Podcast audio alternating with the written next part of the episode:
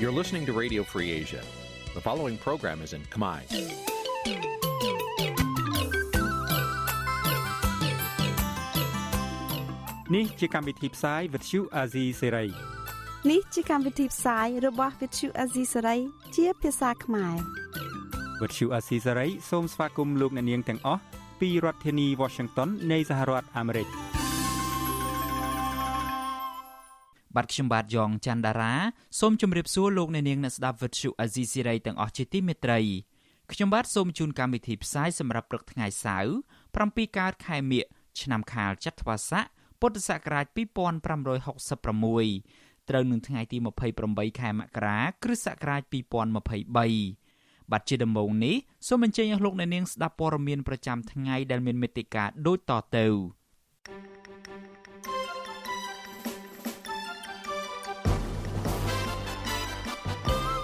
អង្គការសិទ្ធិមនុស្សទទូចដល់ក្រសួងវប្បធម៌បើកលំហសិទ្ធិសេរីភាព នៅក្នុងសិល្បៈចម្រៀងគ្រួសារអ្នកបាត់ខ្លួននៅក្នុងហេតុការណ៍ឆេះកាស៊ីណូនៅប៉ោយប៉ែតបន្តរងចាំដំណឹងពីអាជ្ញាធរសង្គមស៊ីវិលបារម្ភពីការផ្ទុះជំងឺ Covid-19 ជាថ្មី ក្រោយកម្ពុជា ទទួលទេសចរចិនដោយពុំធ្វើតេស្ត ព្រះសង្ឃនិងក្រុមសាសនិកថារដ្ឋាភិបាលមិនទាន់គោរពសេរីភាពសាសនាពេញលេញនៅឡើយទេរួមនឹងព័ត៌មានសំខាន់សំខាន់មួយចំនួនទៀត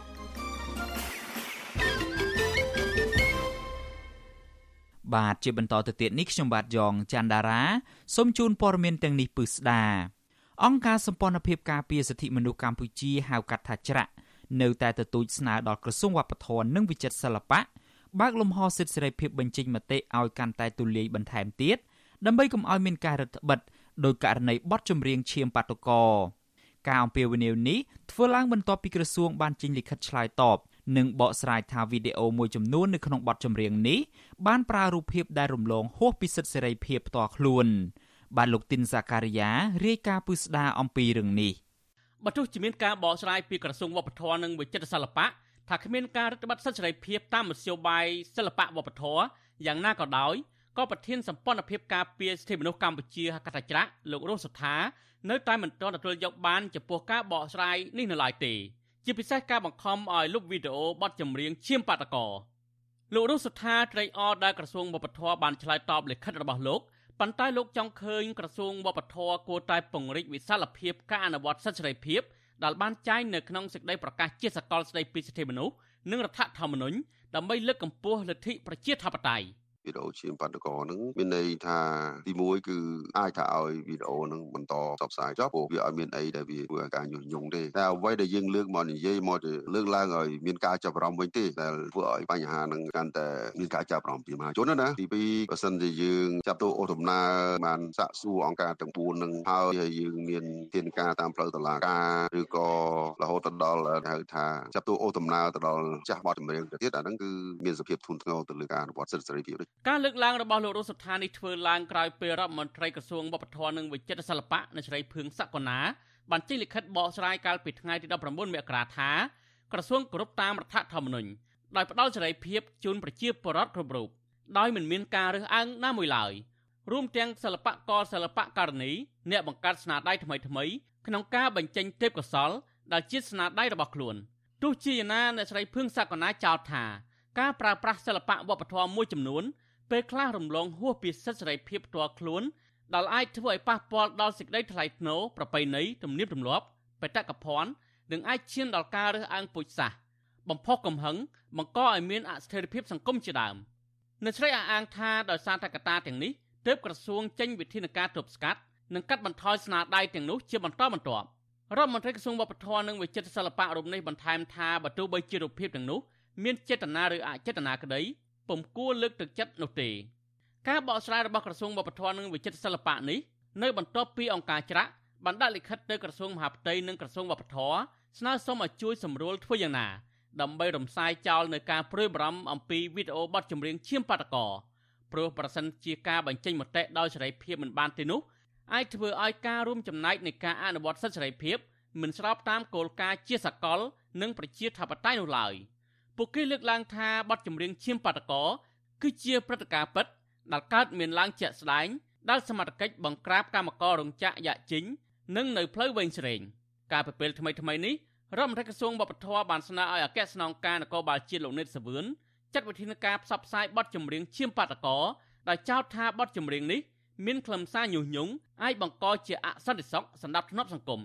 ឆ្លើយតបនឹងបញ្ហានេះអង្គការសង្គមស៊ីវិលចំនួន4 ដែលបានរួមគ្នារំលឹកខួប9ឆ្នាំនៃអំពើហិង្សានៅផ្លូវវែងឆ្វេងនិងរោងចក្រយ៉ាជីងបានផ្សព្វផ្សាយបទចម្រៀងឈាមបាតកោនេះក៏ត្រូវស្នងការនគរបាលរាជធានីភ្នំពេញក៏ហៅទៅបំភ្លឺនិងបង្ខំឲ្យលុបចេញពីបណ្ដាញសង្គមរបស់អង្គការទាំងនោះវិញបទចម្រៀងឈាមបាតកោច្រៀងដោយយុវជនគៀសគុណបទចម្រៀងនេះបានចេញនៅក្នុងខែមករាដើមឆ្នាំ2023រៀបរាប់អំពីព្រឹត្តិការណ៍និងអំពើហិង្សានៅផ្លូវវែងឆ្វេងនិងរោងចក្រយ៉ាចេញ ដោយក្រុមគ្រួសារជនរងគ្រោះទន្ទឹងរង់ចាំយុទ្ធធននៃអំពើហិង្សាទាំងនោះដែលបានអូសបន្លាយរយៈពេល9ឆ្នាំមកហើយបទចម្រៀងនេះក៏មានអត្ថន័យរំលឹកដល់វីរភាពរបស់សហជីពនិងអ្នកតស៊ូដើម្បីសិទ្ធិការងារនិងទាមទារដំឡើងប្រាក់ឈ្នួលដោយយកសាច់ស្រស់ឈាមស្រស់ទៅតទល់មិនខ្លាចរអាដំបងដែកក្របកំភ្លើងដើម្បីមនុស្សចំនួនក្រោយ មានប្រាក់ខែសមរម្យមន្ត្រីអង្គការសង្គមស៊ីវិលសហជីពនិងប្រជាពលរដ្ឋរិះគន់រដ្ឋាភិបាលប្រងព្រាត ថាចំណាត់ការឲ្យលុបវីដេអូនេះចេញវិញគឺជាការរំលោភសិទ្ធិសេរីភាព និងបំបាក់ស្មារតីពលរដ្ឋពីព្រោះបទចម្រៀងនោះមិនមានខ្លឹមសារញុះញង់ឬបង្កចលាចលនៅក្នុងសង្គមដោយការចោទប្រកាន់របស់រដ្ឋាភិបាលនោះឡើយខ្ញុំធីនសាការីយ៉ាអស៊ីសេរីប្រធានីវ៉ាស៊ីនតោនបាទលោកអ្នកនាងជាទីមេត្រីពាក់ព័ន្ធទៅនឹងលំហសិទ្ធិសេរីភាពរបស់អង្គការសង្គមស៊ីវិលវិញសមាគមគ្រូបង្រៀនកម្ពុជាឯករាជ្យសោកស្ដាយដែលក្រសួងមហាផ្ទៃ បានព្រមាននឹងចាត់ទុកការដង្ហែញត្តិរបស់សមាគមកាលពីចុងខែធ្នូឆ្នាំ2022កន្លងទៅនោះគឺជាការធ្វើបាតកម្មខុសច្បាប់ប្រតិកម្មបែបនេះធ្វើឡើងក្រោយពីក្រសួងមហាផ្ទៃបានព្រមានចាត់វិធានការច្បាប់ទៅលើសមាគមប្រសិនបើសមាគមនេះនៅតែបន្តធ្វើសកម្មភាពដែលក្រសួងអះអាងថាមិនស្របទៅតាមលក្ខន្តិកៈសមាគមដែលបានតម្កល់ទុកនៅក្រសួងមហាផ្ទៃបាទនេះជាសេចក្តីរាយការណ៍របស់អ្នកស្រីម៉ៅសុធានី សមាគមគ្រូបង្រៀនកម្ពុជាឯករាជ្យចាត់ទុកការចេញលិខិតព្រមានរបស់ក្រសួងមហាផ្ទៃថាធ្វើឡើងក្នុងន័យគម្រាមកំហែងដល់សមាគមនិងមិនមែនជាការពង្រឹងឲ្យមានការអនុវត្តច្បាប់នោះឡើយទីប្រឹក្សាសមាគមគ្រូបង្រៀនកម្ពុជាឯករាជ្យលោករងឈុនប្រាប់វិទ្យុអសីស្រីថាលោកសោកស្ដាយចំពោះការចេញលិខិតព្រមានពីសំណាក់ក្រសួងមហាផ្ទៃមកលើសមាគមនិងបានចាត់ទុកការធ្វើបាតកម្មរបស់សមាគមកន្លងមកនេះថាជាការធ្វើបាតកម្មដោយខុសច្បាប់ លោកបន្ថែមថាការដង្ហែញត្តិរបស់សមាគមដើម្បីទាមទារអរដ្ឋាភិបាលដោះលែងអ្នកទោសមនសិការនៅក្នុងរាជធានីភ្នំពេញកាលពីថ្ងៃទី30ខែធ្នូកន្លងមកនេះមិនមែនជាសកម្មភាពខុសច្បាប់នោះឡើយលោករងឈុនក៏បានលើកឡើងថាផ្អែកតាមច្បាប់ស្ដីពីការធ្វើបាតកម្មដោយសន្តិវិធីបុគ្គលដែលចង់ធ្វើបាតកម្មដោយសន្តិវិធីគ្រាន់តែជូនដំណឹងទៅដល់អាជ្ញាធរតែប៉ុណ្ណោះនិងមិនចាំបាច់មានការអនុញ្ញាតពីអាជ្ញាធនោះឡើយជាមួយគ្នានេះលោកក៏បានអះអាងថាការដើរដង្ហែញត្តិរបស់សមាគមកន្លងមកมันបានធ្វើប៉ះពាល់ដល់សន្តិភាពសាធារណៈនោះឡើយតាកតងថាប៉ះពាល់សម្ដាប់នប់សរាចរវាអត់មានអីប៉ះពាល់ទេពីព្រោះយើងដើរមានសម្ដាប់ធ្នាប់ដើរមកចំហៀងទុកឲ្យបងប្អូនយើងធ្វើសរាចរធម្មតាទេมันមានធ្វើឲ្យខូចសម្ដាប់ធ្នាប់ក៏ស្ទះ ណានោះទេបើយើងធៀបទៅនឹងអាកាសហែមុងសាយហែអីហ្នឹងអញ្ញាធររាជធានីភ្នំពេញក៏ដូចក្រសួងហ្នឹងក៏ត្រូវមើលត្រង់ហ្នឹងដែររឿងអីក៏ចិនហែមុងសាយហែអីវាយក្ដុងក្តាំងបែរជាមិនមានវិធានការបែរជាមកពមៀនសហគមន៍ទៅវិញ ដោយឡែកជំវិញការទៀមទាឲ្យសមាគមគ្រូបង្រៀនកម្ពុជាឯករាជ្យដាក់របាយការណ៍ហិរញ្ញវត្ថុនិងសកម្មភាពការងារវិញនោះលោករងឈុនថាខាងសមាគមកំពុងរៀបចំដាក់ទៅក្រសួងមហាផ្ទៃហើយថាការយឺតយ៉ាវនេះគឺដោយសារថាសមាគមមិនបានទទួលជំនួយពីម្ចាស់ជំនួយនោះឡើយក្នុងរយៈពេល4ឆ្នាំចុងក្រោយនេះ ការដែលខកខានមិនបានផ្ដល់របាយការណ៍ទៅដល់ក្រសួងមហាផ្ទៃហ្នឹងវាគ្រាន់តែមានការយឺតទេបើយើងបានពង្រៀនយើងបានរៀបចំហើយហើយពេលគ្រាន់តែមិនទាន់បានផ្ញើទៅឲ្យក្រសួងមហាផ្ទៃហ្នឹង ប្រតិកម្មបែបនេះធ្វើឡើងនៅបន្ទាប់ពីរដ្ឋមន្ត្រីក្រសួងមហាផ្ទៃលោកសខេងកាលពីថ្ងៃទី26ខែមករាបានចេញលិខិតដាក់កំហិតឲ្យសមាគមត្រូវផ្ដល់របាយការណ៍ហិរញ្ញវត្ថុនិងសកម្មភាពដល់ក្រសួងក្នុងខែកុម្ភៈជាកំហិតរដ្ឋមន្ត្រីក្រសួងមហាផ្ទៃលោកសខេងចាត់ទុកការដង្ហែញត្តិរបស់សមាគមនៅក្នុងរាជធានីកន្លងមកនេះថាជាការធ្វើបាតកម្មដោយខុសច្បាប់ បន្ថែមពីនេះលោកសខេងក៏បានរំលឹកឲ្យសមាគមត្រូវធ្វើសកម្មភាពឲ្យបានត្រឹមត្រូវតាមលក្ខន្តិកៈដែលបានតម្កល់ទុកនៅក្រសួងមហាផ្ទៃនិងច្បាប់នានាផងដែរមាត្រា5នៃច្បាប់ស្តីពីការធ្វើបាតកម្មដោយសន្តិវិធីมันបានតម្រូវឲ្យអ្នកធ្វើបាតកម្មសុំការអនុញ្ញាតពីអាជ្ញាធរជាមុននោះឡើយ មេត្រានេះចែងថាក្រុមបុគ្គលដែលមានបំណងរៀបចំធ្វើបាតកម្មដោយសន្តិវិធី នៅទីកន្លែងសាធារណៈណាមួយត្រូវជូនដំណឹងជាលេខលះអក្សរទៅអាជ្ញាធរដែនដីរាជធានីឬខេត្តដែលមានសមត្ថកិច្ចគ្រប់គ្រងទីកន្លែងនោះតែប៉ុណ្ណោះការចេញលិខិតរបស់ក្រសួងមហាផ្ទៃធ្វើឡើងស្របពេលដែលក្រសួងនេះក៏បានចេញលិខិតដាច់ដライមួយទៀតអនុញ្ញាតឲ្យសមាគមគ្រូបង្រៀនកម្ពុជាឯករាជ្យធ្វើធម្មយាត្រានៅថ្ងៃទី1ខែកុម្ភៈ ដើម្បីលើកកម្ពស់សិលធម៌សង្គមក៏ប៉ុន្តែកម្រិតឲ្យមានអ្នកចូលរួមត្រឹម50នាក់ប៉ុណ្ណោះការធ្វើធម្មយាត្រានេះដោយសារពួកគាត់មើលឃើញ ថាក្រមសីលធម៌នៅក្នុងសង្គមកាន់តែធ្លាក់ចុះក្នុងនោះរួមទាំងសីលធម៌របស់អ្នកនយោបាយជាដើម ជាឧទាហរណ៍ថ្មីថ្មីនេះអ្នកនយោបាយដែលមានអំណាចនៅតែបន្តប្រើប្រាស់ភាសាមិនសមរម្យទៅលើដៃគូប្រកួតប្រជែងនយោបាយហើយថែមទាំងបានប្រើប្រាស់ប្រព័ន្ធតុលាការដើម្បីរឹបអូសយកទ្រព្យសម្បត្តិរបស់មន្ត្រីជាន់ខ្ពស់គណៈបកប្រឆាំងផងដែរ។ សមាគមគ្រូបង្រៀនកម្ពុជាឯករាជ្យយល់ឃើញថាការចេញលិខិតព្រមានពីក្រសួងមហាផ្ទៃបែបនេះអាចជាការគំរាមកំហែងដល់អ្នកចង់ចូលរួមដង្ហែធម្មយាត្រាជាមួយសមាគមដែលនឹងចាប់ផ្ដើមចេញដំណើរនៅព្រឹកថ្ងៃទី1ខែកុម្ភៈខាងមុខចាននាងខ្ញុំម៉ៃសុធានីវិទ្យុអាស៊ីស្រីប្រធានាធិបតី Washington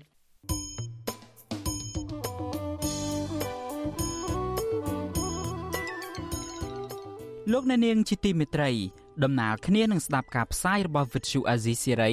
នៅតាមបណ្ដាញសង្គម Facebook និង YouTube លោកអ្នកនាងក៏អាចស្ដាប់ការផ្សាយរបស់យើងតាម Vuthu រលក ធាតុអាកាសខ្លីបានដែរពេលព្រឹកចាប់ពីម៉ោង5កន្លះដល់ម៉ោង6កន្លះតាមរយៈប៉ុស SW 9.39 MHz ស្មើនឹងកម្ពស់ 32m និងប៉ុស SW 11.85 MHz ស្មើនឹងកម្ពស់ 25m ពេលយប់ចាប់ពីម៉ោង7កន្លះដល់ម៉ោង8កន្លះ តាមរយៈប៉ុស SW 9.39 MHz ស្មើនឹងកម្ពស់ 32m ប៉ុស SW 11.88 MHz ស្មើនឹងកម្ពស់ 25m និងប៉ុស SW 15.15 MHz ស្មើនឹងកម្ពស់ 20m បាទសូមអរគុណ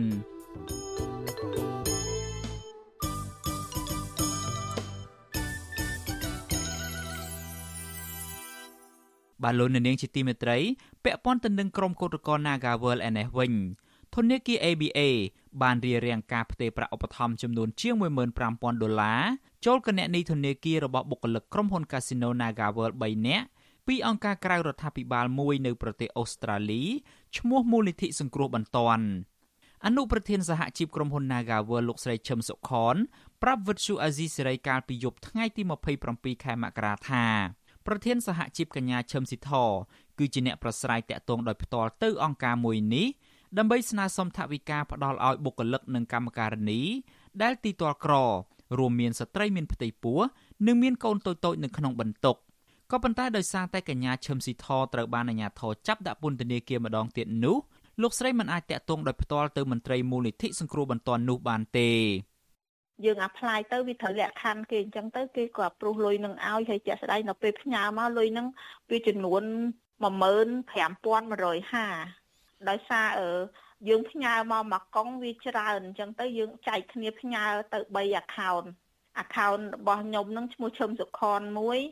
account របស់ឃ្លាំងសុបិនមួយហើយនិង account របស់ឈឹមជីថមួយតែពេលដែលលុយនឹងផ្ញើមកដល់បុគ្គលិកធនាគារនឹងគេខលមកគេប្រាប់ ខ្ញុំថាមានលុយផ្ញើមកពីក្រៅប្រទេសចំនួន5050ដុល្លារចូល account ខ្ញុំអញ្ចឹងតែដោយសារ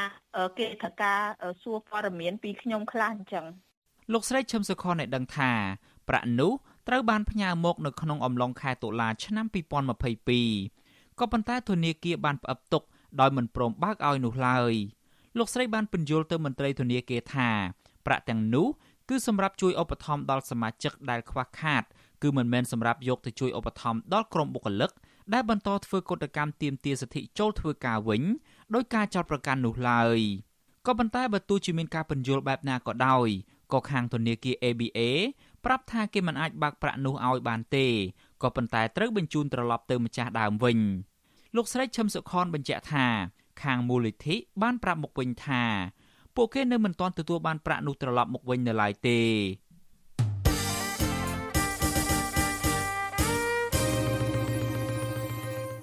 លោកអ្នកនាងកំពុងស្ដាប់ការផ្សាយរបស់ Vuthu Azizi Serai ពីរដ្ឋធានី Washington នៃសហរដ្ឋអាមេរិកភាគីអាជ្ញាធរប្រទេសថៃនៅតែបន្តស្វែងរកអ្នកបាត់ខ្លួន នៅក្នុងហេតុការណ៍អគ្គីភ័យឆេះកាស៊ីណូនៅក្រុងប៉ោយប៉ែតស្របពេលដែលអាជ្ញាធរកម្ពុជា កំពុងមមាញឹកចុះរុះរើអគារដែលឆេះដើម្បីយកដីធ្វើអគារកាស៊ីណូថ្មីវិញមន្ត្រីអង្គការសង្គមស៊ីវិលជំរុញឲ្យអាជ្ញាធរកម្ពុជា សហការជាមួយភាគីថៃ ដើម្បីពន្លឿនការងារស្រាវជ្រាវ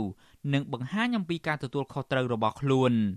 បាទសូមលោកអ្នកនាងស្ដាប់សេចក្តីរាយការណ៍នេះរបស់លោកថាថៃដូចតទៅ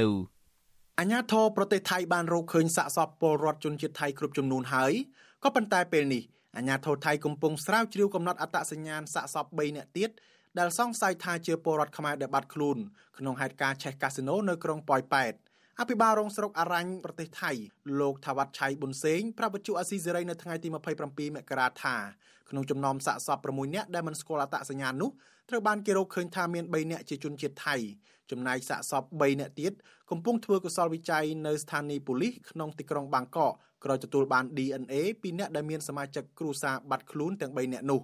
លោកបន្តថាដំណើរការធ្វើកុសលវិច័យអាចមានរយៈពេលយ៉ាងតិច20ថ្ងៃទើបចេញលទ្ធផល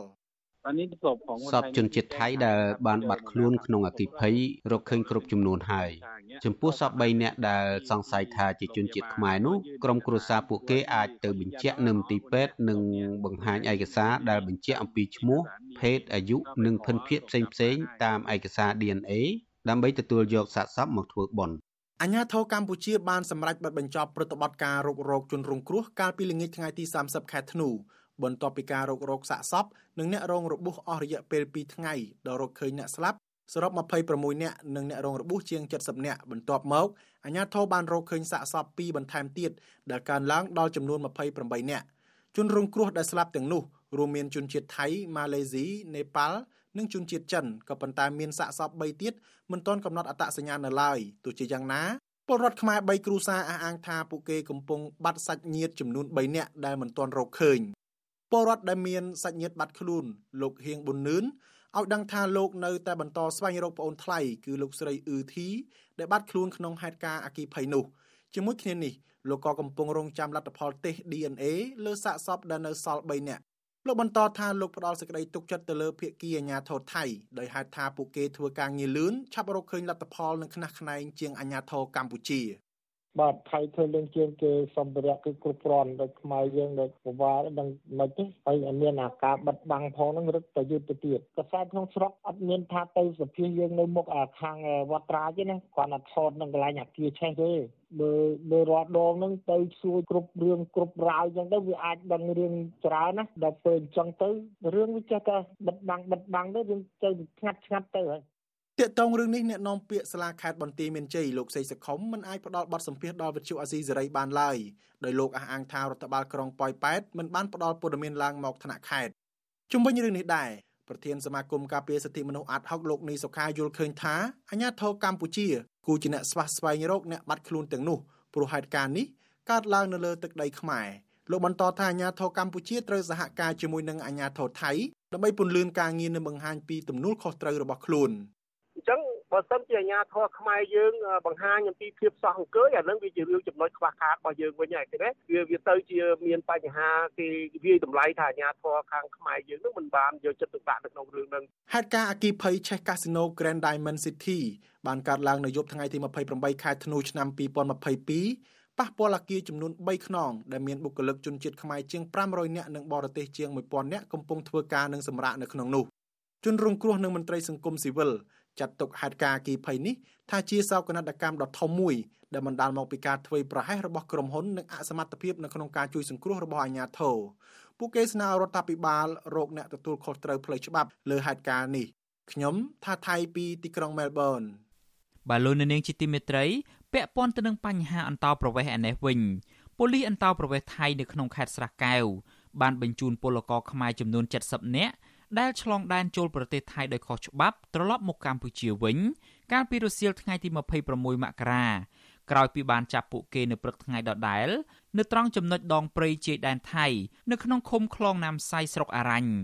ពលករខ្មែរទាំង70នាក់នោះមានមនុស្សពេញវ័យចំនួន67នាក់និងកុមារចំនួន3នាក់ពួកគេបានដើរកាត់ព្រៃល្បោះចូលមកក្នុងប្រទេសថៃដើម្បីស៊ីឈ្នួលកាប់អំពៅ ដកដំឡូងនិងធ្វើចំការឲ្យជនជាតិថៃ នៅពេលព្រឹកលុះពេលល្ងាចនាំគ្នាត្រឡប់ទៅផ្ទះវិញនៅថ្ងៃដែលពលករខ្មែរទាំង70នាក់ត្រូវប៉ូលីសថៃចាប់ខ្លួននោះប៉ូលីសអន្តោប្រវេសន៍ថៃទទួលដំណឹងពីជនជាតិថៃថាមានពលករខ្មែរកំពុងលួចឆ្លងដែនចូលប្រទេសថៃហើយលាក់ខ្លួនក្នុងដងព្រៃរបស់តាមជីដែនទើបអាជ្ញាធរមូលដ្ឋានសហការជាមួយទាហានព្រំដែនថៃចាប់ខ្លួនពួកគេបានទាំងអស់អាជ្ញាធរថៃបានសាកសួរទើបដឹងថា ពួកគេកំពុងពួនចាំថៅកែថៃមកទទួលយកទៅធ្វើការហើយមិនមានឯកសារការងារស្របច្បាប់នោះទេពីព្រោះធ្វើការពេលព្រឹកលុះពេលល្ងាចត្រឡប់ទៅកម្ពុជាវិញមន្ត្រីប៉ូលីសថៃនៅក្នុងឃុំខ្លងណាមសៃបានប្រាប់វិទ្យុអាស៊ីសេរីកាលពីថ្ងៃទី27មករាថាក្រមសមត្ថកិច្ចថៃបានបញ្ជូនពួកគេទៅកម្ពុជាវិញ កាលពីរសៀលថ្ងៃទី26មករា លោកបន្តថាប៉ូលីសថៃមិនបានផាកពិន័យពលករខ្មែរទាំងនោះទេដោយគ្រាន់តែបញ្ជូនទៅស្រុកវិញប៉ុណ្ណោះពលករខ្មែរដែលរស់នៅតាមបណ្ដោយព្រំដែនខ្មែរថៃតែងតែទៅរកការងារធ្វើនៅប្រទេសថៃនៅពេលព្រឹកលុះពេលល្ងាចនាំគ្នាត្រឡប់មកផ្ទះវិញដោយមិនចាំបាច់ប្រើឯកសារការងារនោះទេការងារដែលពលករខ្មែរទទួលធ្វើមានដូចជាបេះផ្លែមៀនផ្លែទុរេនដាំដំឡូងដកដំឡូង ធ្វើចំការនិងកាប់អំពៅជាដើម ដោយទទួលបានប្រាក់កម្រៃពីមួយថ្ងៃទៅមួយថ្ងៃលោកអ្នកនាងជាទីមេត្រីព្រះសង្ឃនិងក្រុមសាសនិករិះគន់ថារដ្ឋាភិបាលលោកហ៊ុនសែនមិនទាន់គោរពសិទ្ធិសេរីភាពខាងជំនឿសាសនាឲ្យបានពេញលេញដើម្បីចូលរួមចំណែកដល់សង្គមជាតិនៅឡើយទេ ប្រតិកម្មនេះធ្វើឡើងក្រោយពីលោកហ៊ុនសែនបានអះអាងថារដ្ឋាភិបាលរបស់លោក យកចិត្តទុកដាក់ចំពោះការផ្ដល់សេរីភាពខាងជំនឿសាសនាដល់ប្រជាពលរដ្ឋទាំងអស់បាទសូមលោកអ្នកនាងរងចាំស្ដាប់សេចក្តីរាយការណ៍នេះពឹស្ដានៅក្នុងការផ្សាយរបស់យើងនាពេលបន្តិចទៀតនេះ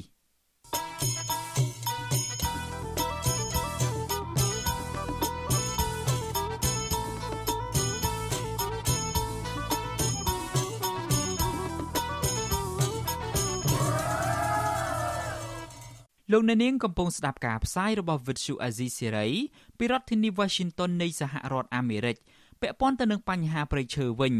ប្រជាសហគមន៍ព្រៃព្រះរកានិងព្រៃឡង់ស្នើឲ្យអាជ្ញាធរចុះបង្ក្រាបម៉ាស៊ីនកែច្នៃឈើ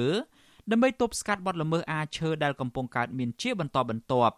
អ្នកខ្លំមើលបញ្ហាព្រៃឈើចោទថាការបើកសិប្បកម្មកែច្នៃឈើខុសច្បាប់យ៉ាងអនាធបត័យនៅតំបន់ព្រៃអភិរក្សនេះ គឺដោយសារតែអាជ្ញាធរជាអ្នកចាំជួយការពារតាមរយៈការទទួលសំណូកពីជនល្មើសបាទលោកលេងម៉ាលីរាយការណ៍ពឹស្ដារអំពីរឿងនេះប្រជាសហគមន៍និងសកម្មជនព្រៃឈើអះអាងថាសិប្បកម្មការច្នៃឈើខុសច្បាប់នៅតំបន់ការពារព្រៃឈើបានរីកដុះដាលដោយបើកចំហនិងលួចលាក់មានទាំងជាលក្ខណៈគ្រួសារនិងខ្នាតធំដើម្បីធ្វើជាគ្រឿងសង្ហារឹមសម្រាប់យកទៅលក់នៅរាជធានីភ្នំពេញនិងនាំទៅតាមបណ្ដាខេត្តផ្សេងៗ ពួកគាត់ថាការមិនអើពើពីសំណាក់អាជ្ញាធរពាក់ព័ន្ធបែបនេះព្រៃអភិរក្សនៅកម្ពុជានឹងត្រូវហិនហោចប្រជាសហគមន៍ជនជាតិដើមភាគតិចគួយម្នាក់ដែលរស់នៅភូមិប្រមេស្រុកត្បែងមានជ័យខេត្តព្រះវិហារលោកខភិរិទ្ធម៉ាស៊ីប្រាប់ពធ្យុអស៊ីសេរីនៅថ្ងៃទី27ខែមករាថាឃុំមួយចំនួនដែលជាប់តំបន់ព្រៃព្រះរកាចាប់ផ្ដើមធ្វើសិប្បកម្មកែច្នៃឈើធ្វើគ្រឿងសង្ហារឹមតាមរយៈការទិញឈើខុសច្បាប់ពីជនល្មើសជាបន្តបន្ទាប់ ដោយគ្មានការបង្ក្រាបពីអាជ្ញាធរណានោះទេពលរដ្ឋដែលតែងតែចុះល្បាតព្រៃព្រះរកាជាហោហែរូបនេះសង្កេតឃើញថាឃុំដែលមានឈ្មួញបើករកស៊ីសិប្បកម្មកែច្នៃឈើច្រើនដូចជាឃុំពោនិងឃុំប្រមេដែលមានទីតាំងជាប់នឹងតំបន់ព្រៃព្រះរកាលោកថាដែនជំរកសត្វព្រៃព្រះរកាកំពុងរងការកាប់ទន្ទ្រានពីជនល្មើសយ៉ាងអនាធិបតេយ្យដូច្នេះលោកស្នើដល់អាជ្ញាធរថាគួរតែពង្រឹងការអនុវត្តច្បាប់ឲ្យបានតឹងរឹងលើជនល្មើស និងអាជីវកម្មខុសច្បាប់បារម្ភខ្លាំងបើសិននៅតែមានការកែច្នៃឈើខុសច្បាប់ដើម្បីលក់ឲ្យឈ្មួញនៅក្រៅហើយនៅមួយទៀតឈើក៏វារៀងអន់ថយចុះទៅរលទៅហើយបើសិនជាមិនអញ្ញាធមមិនចុះបង្ក្រាបនៅការកែច្នៃឈើនឹងទេឈើយើងនឹងកាន់តែបាត់បង់ទៅបាត់បង់ទៅទៀត ក្រសួងពាក់ព័ន្ធនិងអាជ្ញាធរភូមិឃុំស្នើឲ្យមានការរឹតបន្តឹងច្បាប់នៃការជួញដូរឈើខុសច្បាប់នៅក្នុងដែនជម្រកសត្វព្រៃវិរការទាំងអស់ថានៅក្នុងពមេថាខាងពោមលុបព្រៃទេឲ្យពង្រឹងច្បាប់ឲ្យបានម៉ត់ចត់ចំណែកពលរដ្ឋម្នាក់ទៀតរស់នៅភូមិប្រមេដែលជាអ្នកស៊ីឈ្នួលកែច្នៃឈើឲ្យថកែនៅក្នុងភូមិរបស់ខ្លួនលោករ៉េនគ្រឿនបញ្ជាក់ថា បច្ចុប្បន្ននេះសិប្បកម្មកែច្នៃឈើមានច្រើននៅក្នុងស្រុកត្បែងមានជ័យហើយលោកតែងតែទៅស៊ីឈ្នួលកែច្នៃឈើឲ្យគេគ្រប់ទីកន្លែងលោកបាននិយាយទាំងសម្ដីភ័យភ័យថា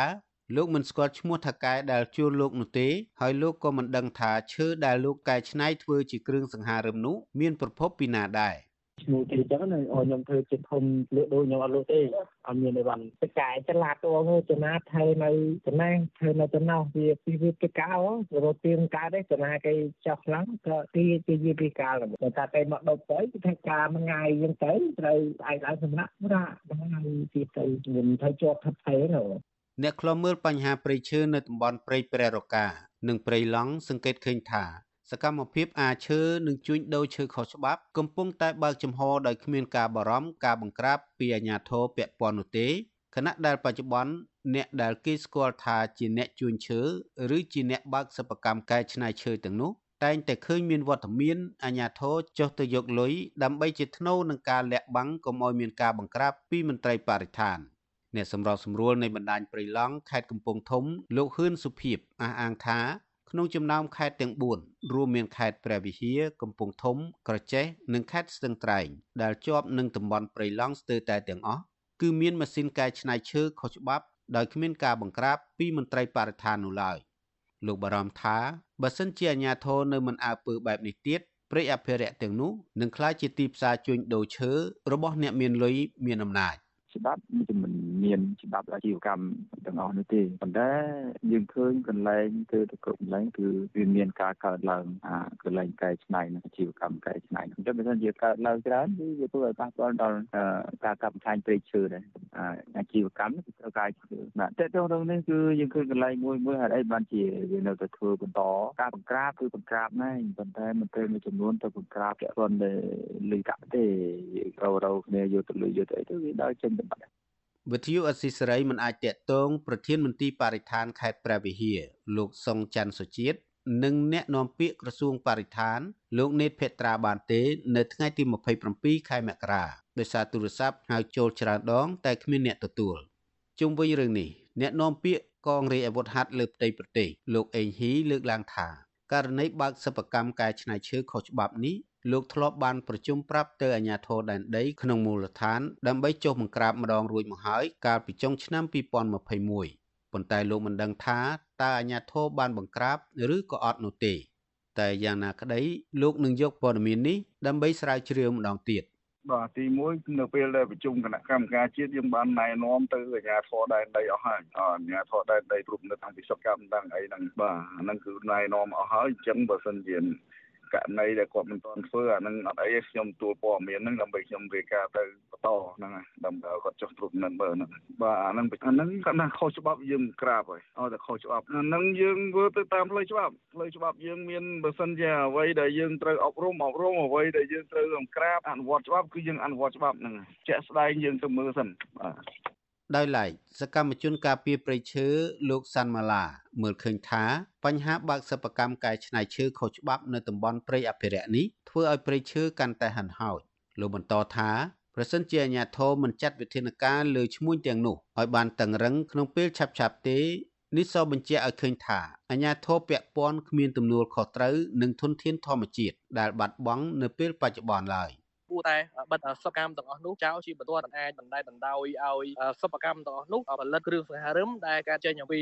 ឈើមិនស្របច្បាប់នោះទេដោយសារវានឹងបង្កមហន្តរាយធ្ងន់ធ្ងរដល់ប្រៃឈើនៅប្រទេសកម្ពុជារបស់យើងហើយយើងឃើញមានសិប្បកម្មលក្ខណៈគ្រួសារតូចតូចជាច្រើនដែលគង់តែកែច្នៃឈើហើយមានរោងសិប្បកម្មខ្លះគឺ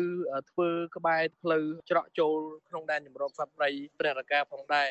របាយការណ៍អង្កេតលើកទី2របស់ក្រុមអ្នកស្រាវជ្រាវនៃសាកលវិទ្យាល័យ Copenhagen នៃប្រទេសដាណឺម៉ាកចេញផ្សាយកាលពីពេលថ្មីៗនេះកម្ពុជាបានបាត់បង់ព្រៃឈើជាង140,000ហិកតាកាលពីឆ្នាំ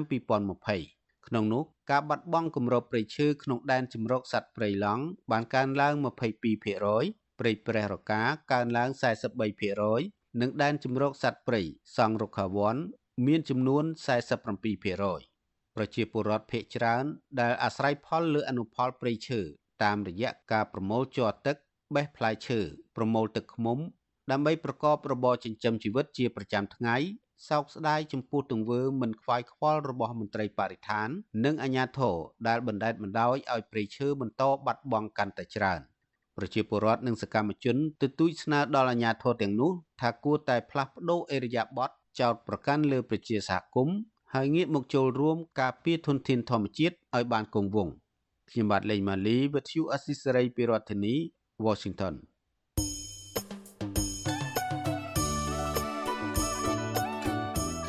លោកអ្នកនាងជាទីមេត្រីក្រៅពីការតាមដានកម្មវិធីផ្សាយរបស់ Vuthu Azizi Serai នៅតាមបណ្ដាញសង្គម Facebook YouTube និង Telegram លោកអ្នកនាងក៏អាចតាមដានកម្មវិធីផ្សាយរបស់យើង នៅតាមរយៈបណ្ដាញ Instagram បានដែរ តាមរយៈតំណ link ដែលមានអាសយដ្ឋាន www.instagram.com/rfa ខ្មែរ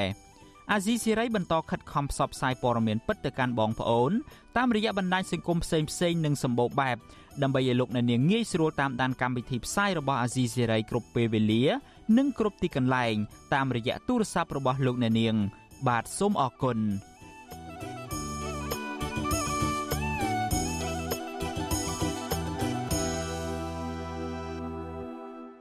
បាទលោកអ្នកនាងជាទីមេត្រីពាក់ព័ន្ធទៅនឹងបញ្ហាខ្មែរក្រមឯណោះវិញ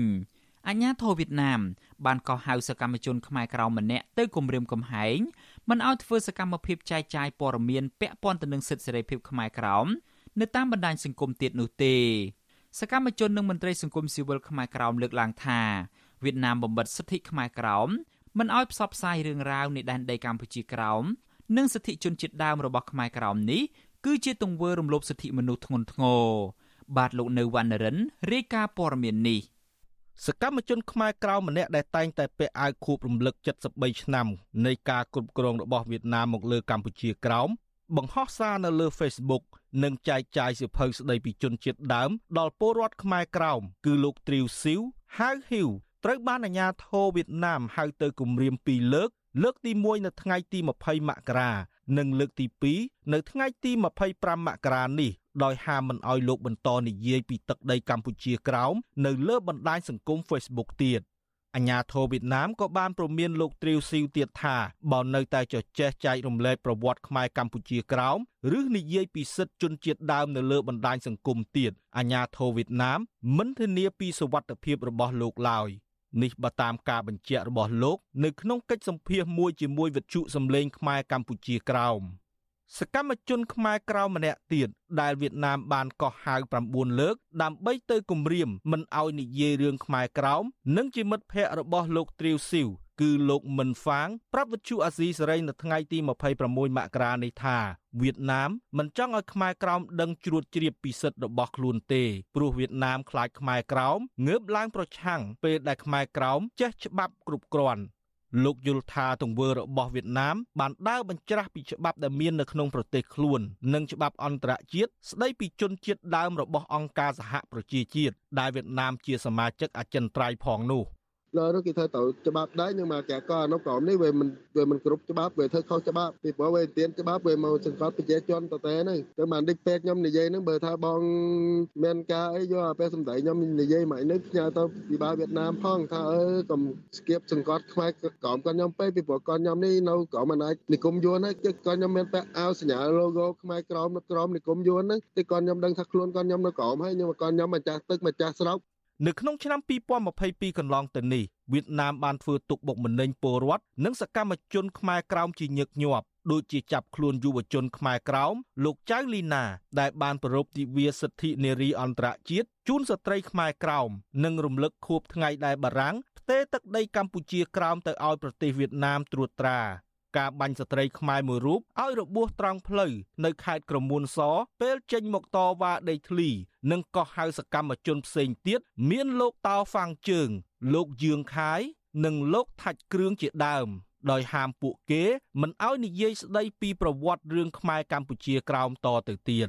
ពាក់ព័ន្ធនឹងការកោះហៅសកម្មជនខ្មែរក្រោមនគរបាលវៀតណាមខេត្តឃ្លៀងនិយាយដោយមិនព្រមប្រាប់ឈ្មោះដល់វិទ្យុអាស៊ីសេរីថាលោកមិនដឹងរឿងប៉ូលីសវៀតណាមចេញដីកាអញ្ជើញយុវជនខ្មែរក្រោមនោះទេដោយលោកឲ្យទៅសួរអ្នកដែលបានចេញលិខិតអញ្ជើញនោះវិញ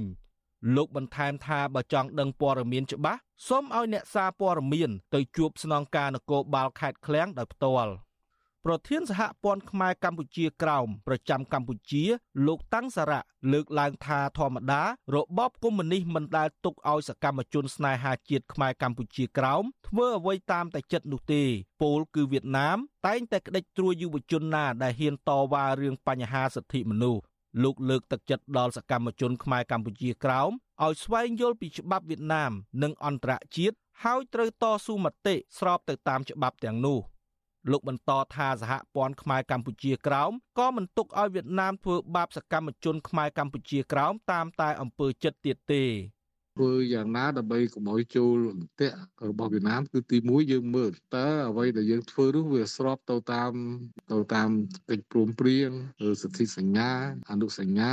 ឬនគតិការសញ្ញារបស់អន្តរជាតិដែល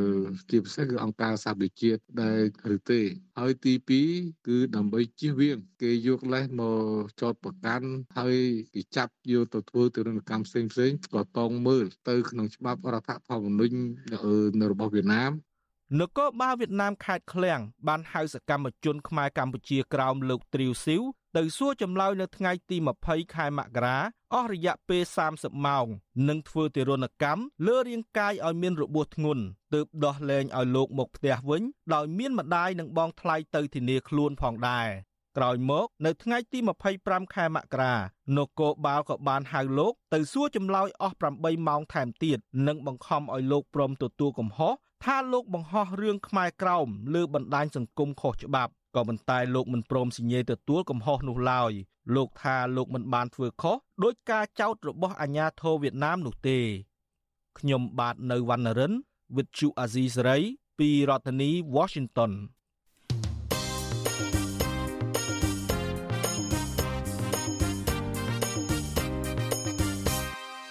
បាទលោកអ្នកនាងជាទីមេត្រីពាក់ព័ន្ធទៅនឹងបញ្ហាទេសចរឯនេះវិញអាជ្ញាធរខេត្តប្រសិទ្ធហនុនិងមន្ត្រីកម្ពូលកម្ពូលមួយចំនួននៃក្រសួងទេសចរបានធ្វើពិធីទទួលស្វាគមន៍ភ្ញៀវទេសចរចិនជាង100នាក់ជាលើកដំបូងនៅព្រលានយន្តហោះអន្តរជាតិកេងកងនៅក្នុងខេត្តប្រសិទ្ធហនុអ្នកខ្លាំមើលប្រួយបារម្ភថាកម្ពុជាអាចនឹងមានហានិភ័យខ្ពស់ក្នុងការរីករាលដាលជំងឺ Covid-19 សាជាថ្មី ដោយសារតែកម្ពុជាមិនមានវិធានការរឹតបន្តឹងទៅលើភ្ញៀវទេសចរចិននេះបាទសូមលោកអ្នកនាងស្ដាប់សេចក្តីរាយការណ៍នេះរបស់អ្នកស្រីស្ងួនអមរាអំពីរឿងនេះដូចតទៅអញ្ញាធរខេត្តប្រសិទ្ធអនុនិងមន្ត្រីក្រសួងទេសចរនៅថ្ងៃទី27ខែមករាទទួលស្វាគមន៍ភ្ញៀវទេសចរចិនដោយពុំមានការធ្វើតេស្តពិនិត្យរោគមេរោគ COVID-19 នោះទេខណៈក្នុងប្រទេសចិនបន្តកើនឡើងអ្នកឆ្លងជំងឺកាចសាហាវមួយនេះ ពិធីទទួលស្វាគមន៍ភ្ញៀវទេសចរចិននៅប្រលានយន្តហោះខេត្តព្រះសីហនុមានការជូនបាច់ផ្កានិងបំពាក់ក្រមាដល់ពួកគេថែមទៀតផងស្របពេលកម្ពុជាបើកទទួលភ្ញៀវទេសចរចិនដោយគ្មានវិធានការរឹតបន្តឹងផ្នែកសុខាភិបាលនៅប្រទេសចិនកំពុងរីករាលដាលជំងឺ Covid-19 និងមានអ្នកឆ្លងជំងឺនេះរាប់ម៉ឺនអ្នកក្នុងមួយថ្ងៃ។ អ្នកជំនាញមជ្ឈមណ្ឌលគ្រប់គ្រងនិងបង្ការជំងឺឆ្លងរបស់ចិនថាករណីឆ្លងថ្មីនៃជំងឺ Covid-19 នៅចិនកាត់ត្រឹមថ្ងៃទី22ខែធ្នូបានឈានដល់កម្រិតកំពូលដោយអ្នកឆ្លងរហូតដល់ជាង7លាន និងមានមនុស្សស្លាប់ប្រចាំថ្ងៃជាង4000នាក់នៅថ្ងៃទី4ខែមករាជាមួយគ្នានេះសារព័ត៌មាន BBC របស់អង់គ្លេសបានដកស្រង់ខ្លឹមសារនៃសាកលវិទ្យាល័យ Peking University ដែលបានរកឃើញកាត់ត្រឹមថ្ងៃទី11ខែមករាថាមានមនុស្សប្រហែលជាង900លាននាក់នៅក្នុងប្រទេសចិនបានឆ្លងជំងឺ Covid-19 វិទ្យុអាស៊ីសេរីមិនអាចតាក់ទងแนะនាំពាក្យក្រសួងសុខាភិបាលអ្នកស្រី Alvandin និ ងអ្នកនាំពាក្យក្រសួងទេសចរលោកតបសុភ័ក្រដើម្បីសាកសួរអំពីរឿងនេះបានទេនៅថ្ងៃទី27មករាទោះបីជាយ៉ាងណាលោកតបសុភ័ក្រធ្លាប់ប្រាប់វិទ្យុអាស៊ីសេរីថាការទទួលស្វាគមន៍ភ្ញៀវទេសចរចិនដោយគ្មានរដ្ឋបន្តឹងផ្នែកសុខាភិបាលនេះគឺជាយុទ្ធសាស្ត្ររបស់រដ្ឋាភិបាលក្នុងការតាក់ទាញទេសចរចិនឲ្យចូលកម្ពុជាកាន់តែច្រើនប៉ុន្តែស្នងការនគរបាលខេត្តព្រះសីហនុលោកជួននរិន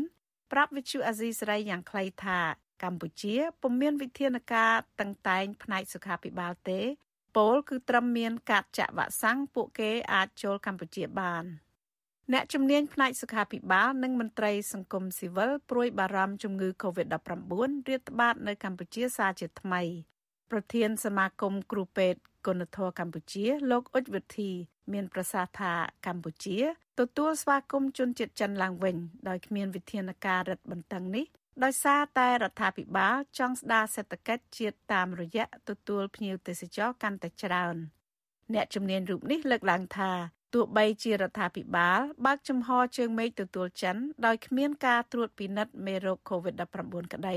ប៉ុន្តែលោកអំពីវនីវដល់ពលរដ្ឋ ទៅចាក់វ៉ាក់សាំងដូសជំរុញការពារខ្លួនឯងនិងទៅពិគ្រោះជាមួយអ្នកជំនាញសុខាភិបាល នៅពេលមានមេរោគសញ្ញាសង្ស័យមានជំងឺ COVID-19 បើសិនជាគាត់អត់តាមវ៉ាក់សាំងហើយគាត់មានប៉ាសពតគាត់ចូលមកមិនទទួលស្គាល់ពីក្រសួងសុខាភិបាលទាំងពីរនឹងទេបានន័យថាយើងអាចនឹងយកគាត់មកធ្វើ rapid rapid test អាចធ្វើ rapid test បើសិនជាឃើញថាមានវិជ្ជមានកូវីដយើងប្រហែលប្រហែលយើងញែកគាត់មកដុំដើម្បីទុកគាត់យកទៅធ្វើ CVR ដើម្បីកុំឲ្យមានការរាលដាលឆ្លងមកបងប្អូនប្រជាពលរដ្ឋស្រដៀងគ្នានេះដែរអ្នកសម្របសម្រួលសមាគមការពារសិទ្ធិមនុស្សអាត6 ប្រចាំខេត្តព្រះសីហនុអ្នកស្រីជាតិសុធារី ស្នើរដ្ឋាភិបាលពិចារណារឹតបន្តឹងវិធានការសុខាភិបាលឡើងវិញ ដើម្បីការពារកុំឲ្យមានជំងឺ Covid-19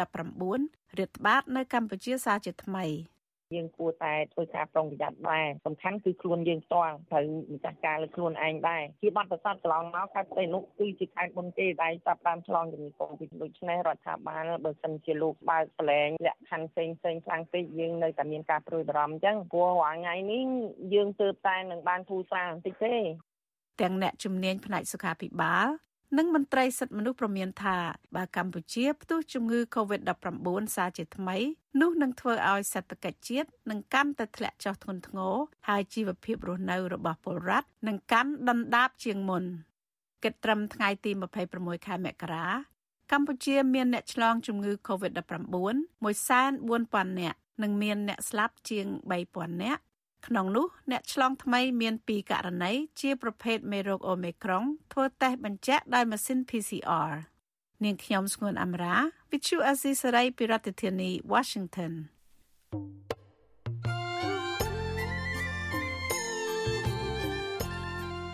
លោកអ្នកនាងជាទីមេត្រី នៅក្នុងឱកាសនេះដែរខ្ញុំបាទសូមថ្លែងអំណរគុណដល់លោកអ្នកនាងកញ្ញាទាំងអស់ដែលតែងតែមានភក្ដីភាពចំពោះការផ្សាយរបស់យើង ហើយចាត់ទុកការស្ដាប់វិទ្យុអាស៊ីសេរីគឺជាផ្នែកមួយនៃសកម្មភាពប្រចាំថ្ងៃរបស់លោកអ្នកនាងគឺការគ្រប់គ្រងរបស់លោកអ្នកនាងនេះហើយ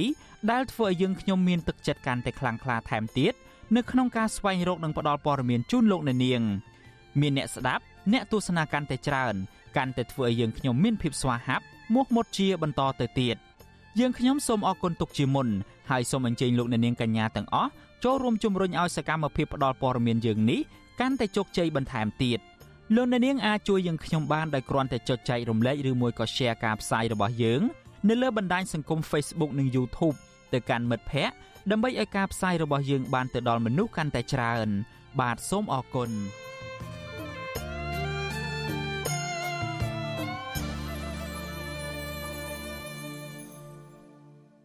បាទលោកនាងជាទីមេត្រីពាក់ព័ន្ធទៅនឹងបញ្ហាសាលាក្តីខ្មែរក្រហមឯនេះវិញ រដ្ឋាភិបាលជប៉ុនបានផ្តល់ថវិកាថ្មីបន្ថែមទៀតចំនួន22,000ដុល្លារអាមេរិកដល់ភាគីអន្តរជាតិនៃអង្គជំនុំជម្រះវិសាមញ្ញនៅក្នុងតុលាការកម្ពុជាឬហៅថាសាលាក្តីខ្មែរក្រហមសេចក្តីប្រកាសព័ត៌មានរបស់សាលាក្តីខ្មែរក្រហមកាលពីថ្ងៃទី27មករាឲ្យដឹងថាជប៉ុនគឺជាប្រទេសម្ចាស់ជំនួយច្រើនជាងគេដល់សាលាក្តីខ្មែរក្រហមដែលរហូតមកដល់ពេលនេះមានទឹកប្រាក់សរុបជិត89លានដុល្លារ គឺប្រមាណជា27%នៃថវិកាសរុបនៃប្រទេសម្ចាស់ជំនួយចាប់ពីខែកុម្ភៈឆ្នាំ2006រហូតដល់ខែសីហាឆ្នាំ2022សាលាក្តីខ្មែរក្រហមបានចំណាយថវិកាសរុបចំនួនជិត338លានដុល្លារនៅក្នុងនោះភាគីកម្ពុជា ចំណាយជិត99លានដុល្លារនិងភាគីអន្តរជាតិចំណាយជិត240លានដុល្លារនៅក្នុងរយៈពេលជាង16ឆ្នាំមកនេះអតីតមេដឹកនាំខ្មែរក្រហម5រូប ត្រូវបានសាលាក្តីខ្មែរក្រហមយកមកកាត់ទោសក្នុងនោះរួមមាននួនជាខៀវសំផនអៀងសារីអៀងធីរិត និងកាំងកិច្ចអៀវហៅដុចក៏ប៉ុន្តែបច្ចុប្បន្ននេះមានតែខៀវសំផនម្នាក់គត់ដែលនៅរស់រានមានជីវិតនិងត្រូវជាប់ទោសក្នុងពន្ធនាគារអស់មួយជីវិតអតីតមេដឹកនាំខ្មែរក្រហមទាំងនោះត្រូវបានអង្គជំនុំជម្រះវិសាមញ្ញក្នុងតុលាការកម្ពុជាចោទប្រកាន់ពីបទឧក្រិដ្ឋកម្មប្រឆាំងមនុស្សជាតិ ឧក្រិដ្ឋកម្មសង្គ្រាម និងអំពើប្រល័យពូជសាសន៍ប្រឆាំងនឹងជនជាតិចាម និងជនជាតិវៀតណាមជាដើម។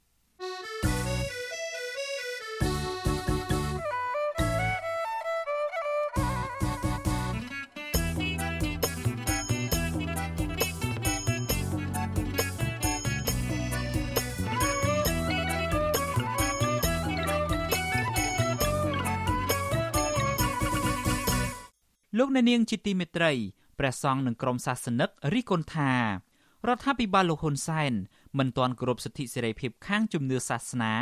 ឲ្យបានពេញលេញដើម្បីចូលរួមចំណែកដល់សង្គមជាតិនៅឡើយទេ ប្រតិកម្មនេះធ្វើឡើងក្រោយពីលោកហ៊ុនសែនបានអះអាងថារដ្ឋាភិបាលរបស់លោកយកចិត្តទុកដាក់ចំពោះការផ្ដល់សេរីភាពខាងជំនឿសាសនាដល់ប្រជាពលរដ្ឋទាំងអស់បាទសំលោកនៅនាងស្ដាប់សេចក្តីរាយការណ៍ដាច់ដライមួយទៀតរបស់លោកនៅវណ្ណរិនអំពីរឿងនេះដូចតទៅ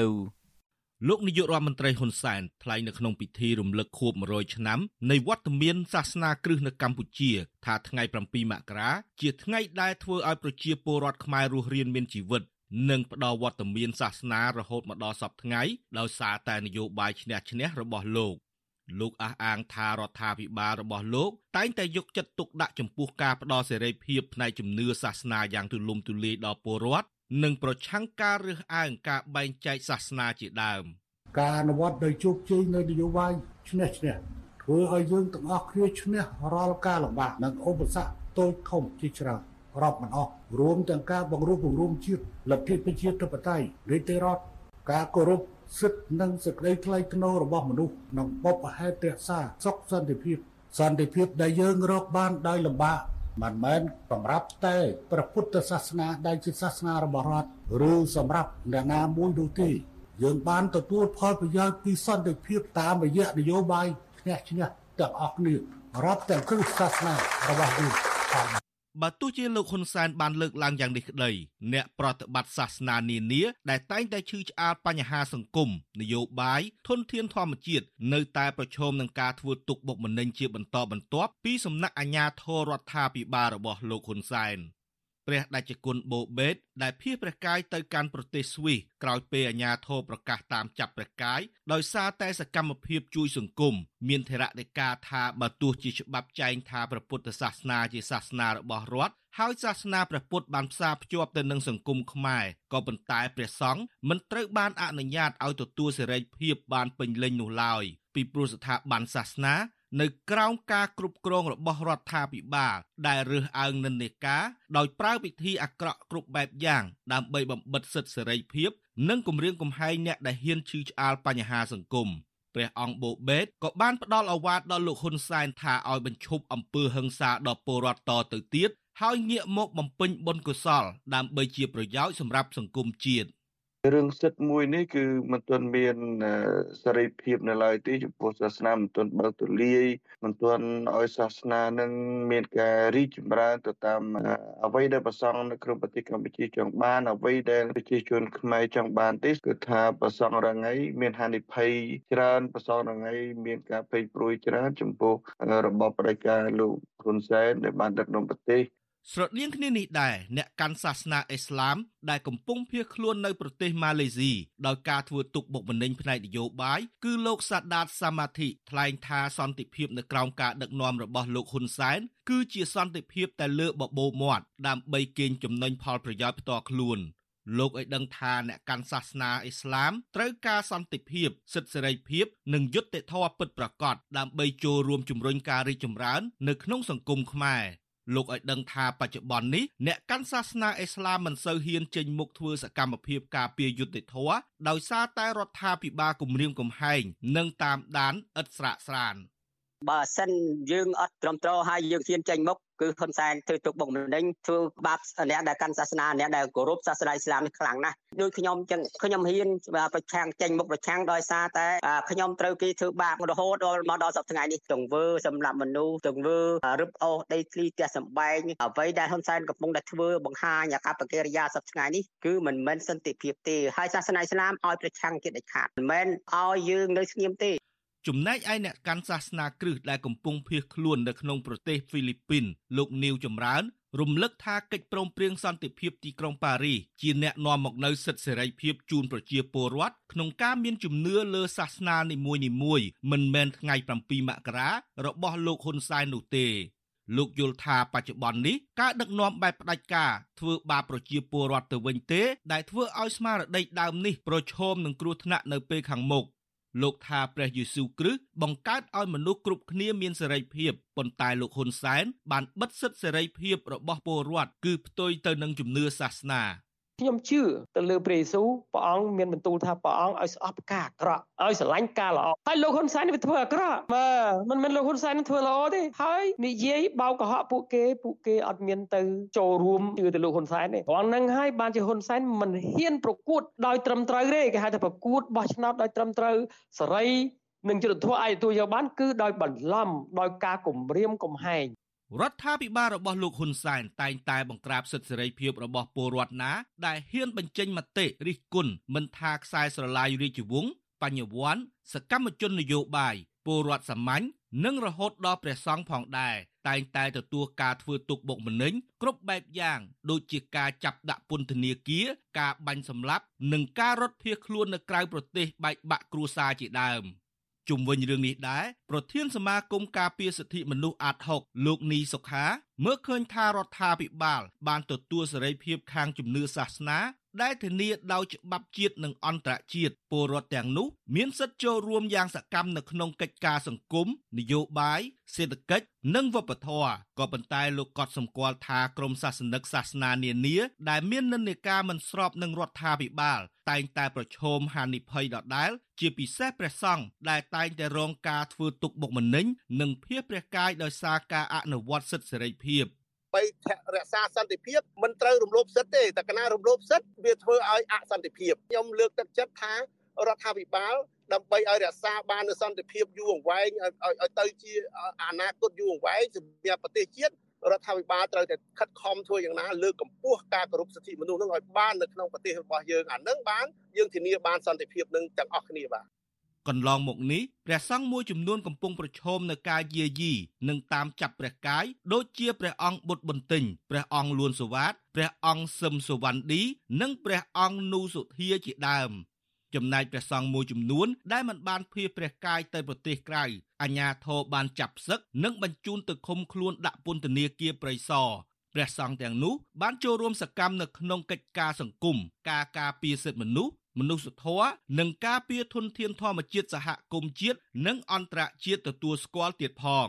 ទោះជាយ៉ាងនេះក្តីព្រះសង្ឃនៅតែក្លាយជាគោលដៅនៃការគម្រាមកំហែងធ្វើទុកបុកម្នេញនិងការបង្ខូចកេរ្តិ៍ឈ្មោះពីសំណាក់រដ្ឋាភិបាលលោកហ៊ុនសែន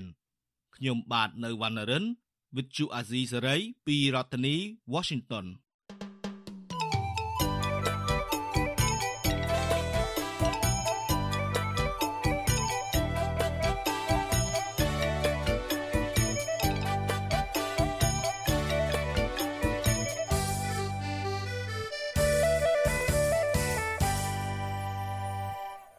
លោកនៅនាងជាទីមេត្រីអង្គការសម្ព័ន្ធភាពការពារសិទ្ធិមនុស្សកម្ពុជាហៅកាត់ថាច្រាក់នៅតែទទូចស្នើដល់ក្រសួងវប្បធម៌និងវិចិត្រសិល្បៈបើកលំហសិទ្ធិសេរីភាពបញ្ចេញមតិឲ្យកាន់តែទូលាយបន្ថែមទៀតដើម្បីកុំឲ្យមានការរឹតបន្តឹងដោយករណីបទចម្រៀងឈាមបាតុកោការអំពាវនាវនេះធ្វើឡើងបន្ទាប់ពីក្រសួងបានចេញលិខិតឆ្លើយតបនិងបកស្រាយថាវីដេអូមួយចំនួននៅក្នុងបទចម្រៀងនេះបានប្រើរូបភាពដែលរំលងហួសពីសិទ្ធិសេរីភាពផ្ទាល់ខ្លួន បាទលោកទីនសាការីយ៉ារាយការណ៍ពឹស្ដាអំពីរឿងនេះបើទោះជាមានការបកស្រាយពីក្រសួងវប្បធម៌និងវិចិត្រសិល្បៈថាគ្មានការរដ្ឋបတ်សិទ្ធិសេរីភាពតាមមធ្យោបាយសិល្បៈវប្បធម៌យ៉ាងណាក៏ដោយក៏ប្រធានសម្ព័ន្ធភាពការពារសិទ្ធិមនុស្សកម្ពុជាហកតច្រៈលោករស់សថានៅតែមិនទាន់ទទួលយកបានចំពោះការបកស្រាយនេះនៅឡើយទេជាពិសេសការបង្ខំឲ្យលុបវីដេអូបទចម្រៀងឈាមបាតកោ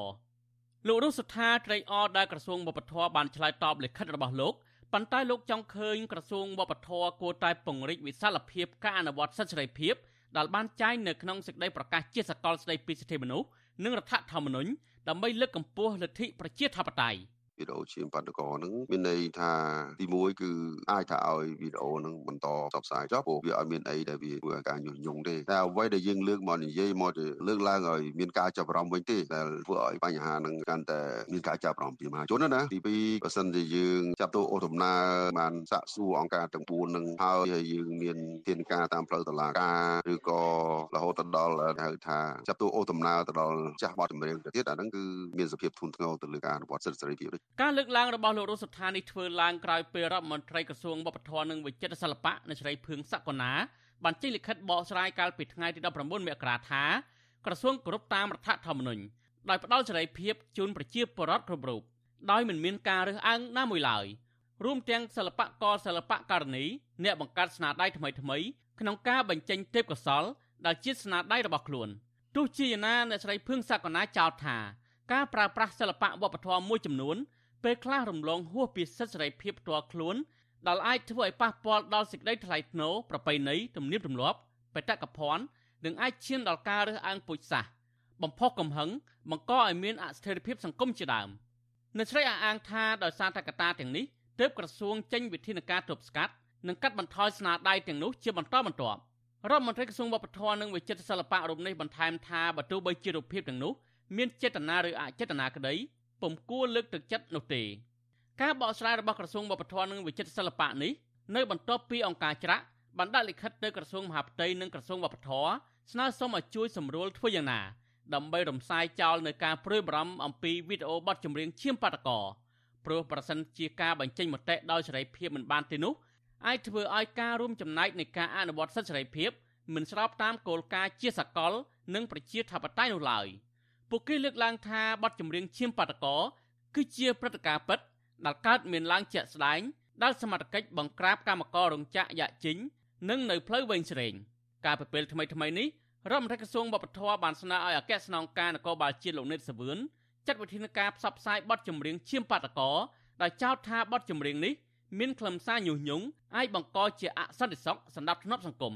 ឆ្លើយតបនឹងបញ្ហានេះអង្គការសង្គមស៊ីវិលចំនួន4 ដែលបានរួមគ្នារំលឹកខួប9ឆ្នាំនៃអំពើហិង្សានៅផ្លូវវែងស្រេងនិងរោងចក្រយ៉ាជីង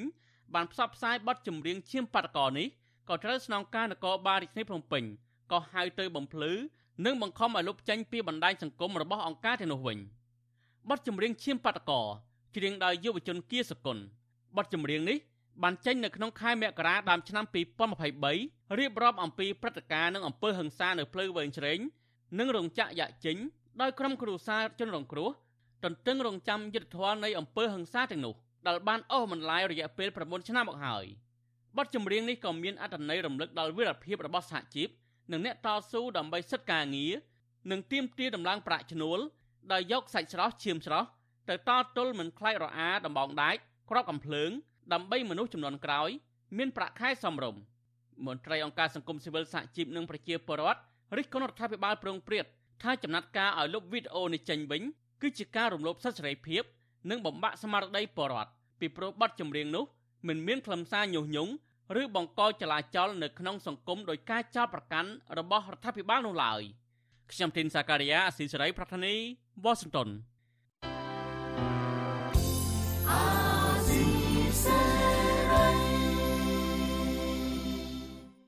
លោកអ្នកនាងជាទីមេត្រី ការផ្សាយរយៈពេល1ម៉ោងរបស់វិទ្យុអាស៊ីសេរីនៅព្រឹកនេះចប់ត្រឹមតែប៉ុណ្ណេះ